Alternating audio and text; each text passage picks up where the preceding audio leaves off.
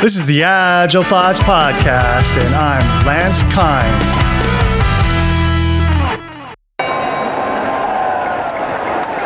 Safe, safe, safe, safe. Ladies and gentlemen, tonight, the main event. Let's get ready to scale Agile. silhouette of an Scrum at scale, scrum at scale. You will Come on, Dad. Let's go get him, Dad. Come on, Dad. You've been working really hard. You've been working out every day. You're so disciplined, Dad. Let's go, Dad. Go in the ring. Get him, Dad. Less is more. Less is more. Come Less on, is more. Mom! You get in there and you beat him to a pulp, Mom! This is a continuing episode of the fourth bout of Agile Framework Fight Night.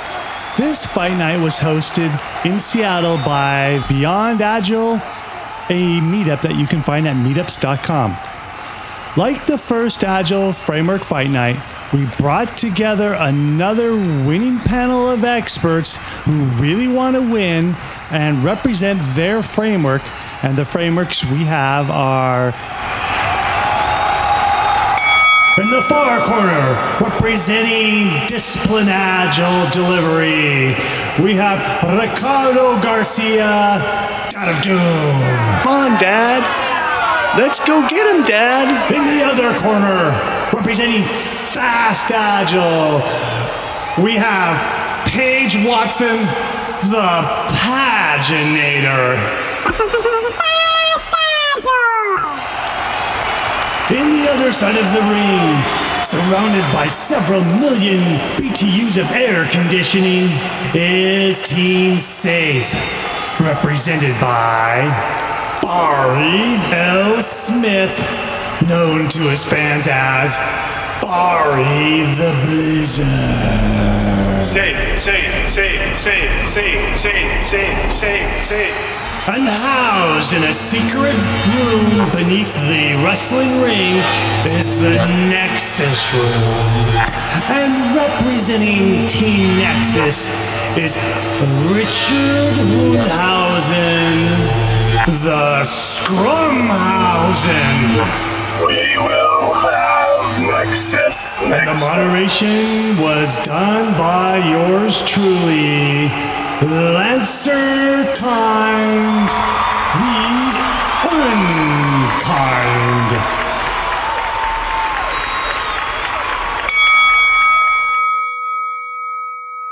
Most of what I hear about agile frameworks is how they resolve impediments as to how teams receive work and deliver work. Will your framework do anything to improve the engineering capabilities of my teams? just something I say often is frameworks, methodologies, processes, they don't improve how people work. The people themselves improve how they work. Okay, so it's kind of an odd question. Except I'll just go back to what I said that Scrum or Scrum at scale with multiple teams still has these built in uh, points where you're going to inspect how you work. One thing we do at scale is we have a Nexus sprint retrospective where we have representatives of the different Scrum teams come together to make transparent any of the impediments, any of the things that work, the experiments they tried this sprint to share with representatives of the other Scrum teams. And then they go back to their individual Scrum team retrospectives, talk about, hey, you know what, team three tried this last sprint and worked for them. So there's this sort of bottom up intelligence sharing. And that can include obviously technical practices, tooling, all of it. So it's encouraged to do these cross team retrospectives and, you know, have cross team uh, improvement uh, ex- ex- experiments each sprint. Beyond that, it's on the people to do it.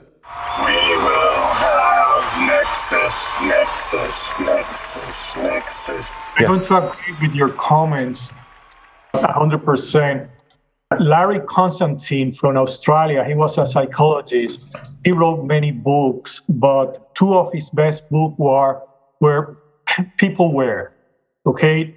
And there was a combination of articles that he had present and all that. And I think he, he wrote also four books with uh, Scott Ambler uh, about that topic. And the reality is all about people. IS is all about people. If we look every place, if the people are not fully engaged, that's not a recipe for success. So each of the frameworks have different flavors and approach different areas like Nexus Scrum that have a lot of uh, cadence. So if you think about a project management cadence and communication, that's where Scrum shines. And you know, Paige uh, we have also fast that is fluid, right? So it's the dynamics with people and uh, it's critical that we keep that in mind, regardless uh, what framework you're using or not. Uh, if you lose that vision, any framework will fail. So, Ricardo, on that on that point, would you agree that uh, like mobbing or even pair programming goes along with those those points? A hundred percent. Actually, have uh, two months ago, three months ago, a presentation about mobbing.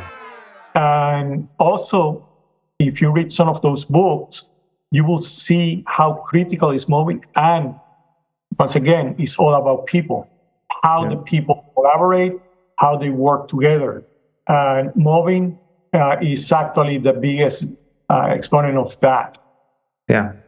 So I, I mean, I would say, you know, we're the the greatest uh, tool tool kit whatever uh, to me has been mobbing where a team gets together and they work together through one problem at a time and they move on to the next. Problem i've always had is like getting a team to agree to do that and you can't do that without having leadership mandating it in some sort of way or that, that, that the program is is designed around that so.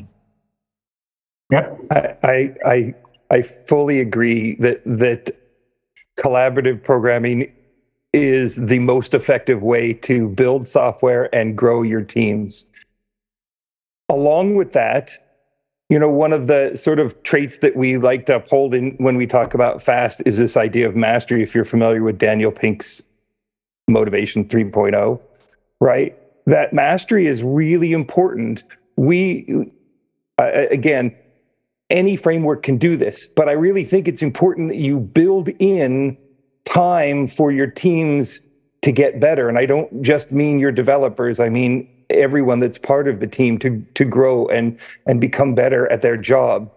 And and one of the interesting side effects we found when we were doing fast is that the dynamic reteaming allowed mo- uh, allowed me to see multiple different people working on different things, right? And sort of learn from them. Even if I didn't become an expert DBA, I still worked with DBAs on this project. And then I would go over to that other project and we'd be doing something that a DBA might do. And I'd be like, oh, I think I know kind of where to look, right? But that interaction, that ability to kind of work together, whether you're you're dynamically reteaming or you're collaborating in, in some sort of team programming aspect, it's so important. And you get this rising tide effect where your teams grow and the knowledge grows and you no longer have siloed people that you have to give work to because this is the only person that knows the UI and this is the only person that knows the back end. Right now, you you uh, what's the you you raise the bus number as it would be, right? It, you, you raise that that uh, that important. It, uh, obviously, I'm very passionate about about learning as a team and growing as a team. I think it's really important. So, but it's framework agnostic also. And at some point, Dave, I'm going to have a long discussion about the concept of team because it's something I'm actually quite passionate about. Back to sort of the question at hand how does your framework sort of improve or facilitate improvement of the craft, of the mastery within the organizations? And I, you know, I, all credit to Dr. Scrumhausen, and he kind of scooped me on that, which is I absolutely agree. You know, the frameworks don't improve, people drive improvement. So the question is, how do we facilitate and encourage that thing? So let's go back to the fact that SAFE is fundamentally built on Scrum. The the basic practice of of teams, the basic practice of the entire thing is Scrum, although SAFE likes to call it Scrum XP, meaning let's take Scrum as our framework, but because because Scrum is intentionally open and non-specific, let's also incorporate the good engineering ideas that XP has given us. Let's leverage some of those practices. And so as in the context of our retrospectives, as we're figuring out how to inspect and adapt, they're sort of predisposed to say, well, let's let's look at those engineering practices. The other thing that SAFE does is, you know, it has a specific role, a release train engineer. It also suggests the utility of a system team. Those roles are specifically around how do we improve the overall flow in the engineering capability across this release train or across this value train. How do we look at DevOps and the ability to release, uh, you know, or at least deploy at will? So, you know, the the benefit it may not whether or not that's the absolute best uh, way to accomplish it, but at least Scrum uh, Safe says, hey, let's have people focusing on the issue of engineering excellence, on the ability to remove impediments to releasing freely and building in quality. Those are very much core tenets of the way that Safe suggests going about it. So, yes, we need people to be focused on their craft, on mastering these things, and on on improving all the time. Um, you know, it's helpful if the framework actually provides some specific guidance on, you know, how to direct that energy and that attention. And I think SAFE actually does that. Safe, safe, safe, safe. You know, discipline agile encourage hundred percent the teams and empower the teams. We don't have a role that do that because that role take out of uh, the empowerment of the team. And this is something so different uh, in basically SAFE and other methodology. And I'm not trying to put down SAFE because we at Costco, we are safe right? But we we wait, have wait, to make wait, Ricardo, we are Ricardo, we are not safe at at Costco. We use safe training, but we we use the Costco operating model. So I don't want to mislead people. I, I stand corrected. So yes, we but- do some training, but but it's not it's not we're not a safe shop. Right. So going back into that, it needs to go into the team and empower the team to do that. And that's what the different frameworks or specific that as a toolkit uh, provide. Come on, Dad. Let's go get him, Dad. Zoe, Lance, hi. How are you? doing good. They, So I, I put I put a question in the chat. I am not as familiar with the other frameworks, but I am curious about how do the other frameworks handle role clarity in education? I can answer some of that as an agile coach working in a safe a safe environment. That sounds so weird. I put just something in the chat. It was almost anticipating your note there or what you just said that safe is the first framework that has gone out and has elevated the position of scrum master to scrum master slash team coach. And i'm very happy about that because you know a lot of times you know scrum masters are undervalued. You know we were undervalued for our skills and what we bring to the team. And the elevation of that role is really important. Safe also puts a lot of responsibility on the product owner and making work ready and working with any any of the safe layers at the program level to help realize the vision of our stakeholders through product management and product ownership. So there really there is a delineation of the different roles and they all play their part within the team and within the program or you know as chris pointed out earlier within that value stream. So there isn't a lot of blurred lines like there may be in smaller organizations or smaller implementations because as you scale out, there's more responsibility to the product. And SAFE, I think, does a really good job with identifying the layers of product management and product ownership at that delivery level. Thank you. I, I was curious about the the Nexus and also the the DAD, the DAD.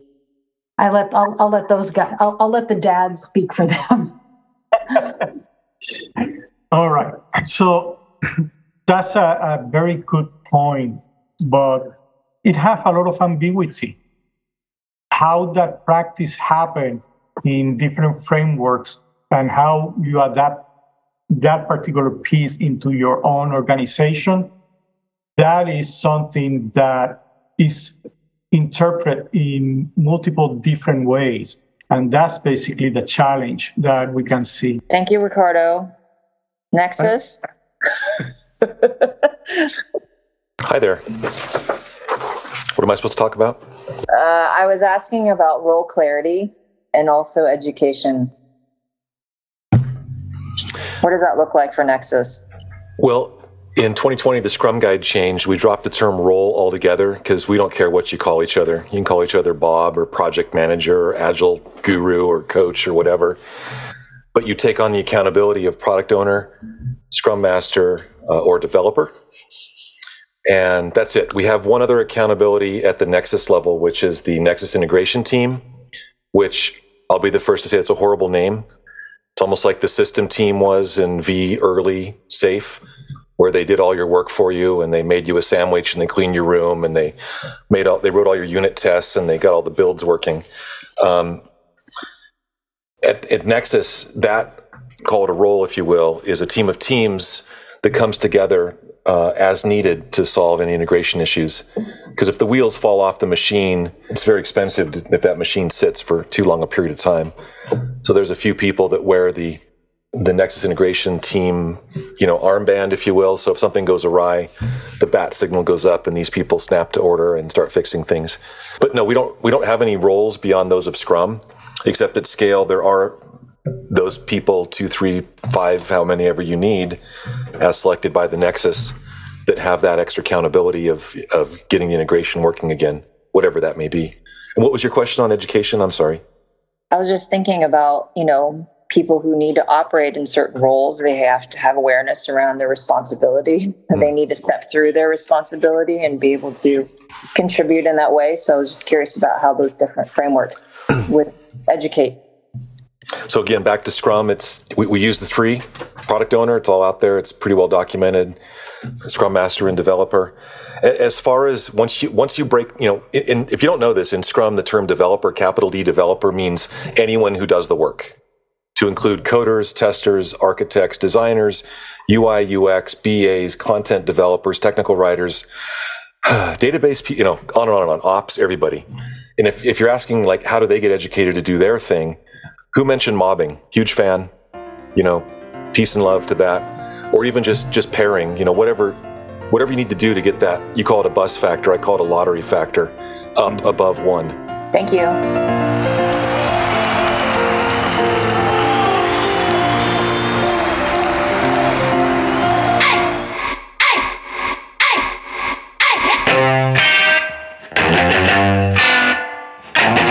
You new to Agile or Scrum? Looking for a fun way to pick up the knowledge to become an Agile team? Go get the novel Agile Noir. A dramatic novel about a project manager who needs to transform his teams to become agile because his life depends on it. This book is available in the US on Amazon, in India on Pothi.com, in China, it's available on my WeChat store. Links are in the show notes. This is a continuing episode of Agile Framework Fight Night. The first episode started at episode 238. If you're interested in hearing our other Agile Framework Fight Nights, go to the show notes and there you will see links to bouts 1, 2, and 3.